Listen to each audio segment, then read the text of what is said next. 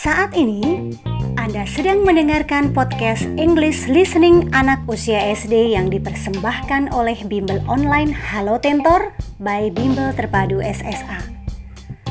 Untuk lebih banyak lagi materi belajar bahasa Inggris dan juga pelajaran lainnya, kunjungi Facebook dan Instagram Bimbel SSA dan segera bergabung bersama kami.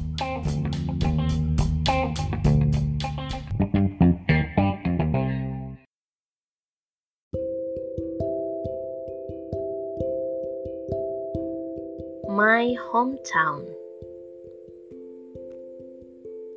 I was born in Jakarta. It is my hometown.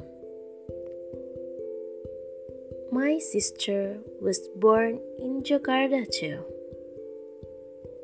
But my parents were not born in Jakarta.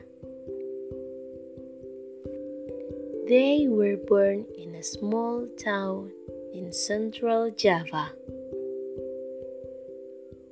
We are Javanese, but we live in Jakarta.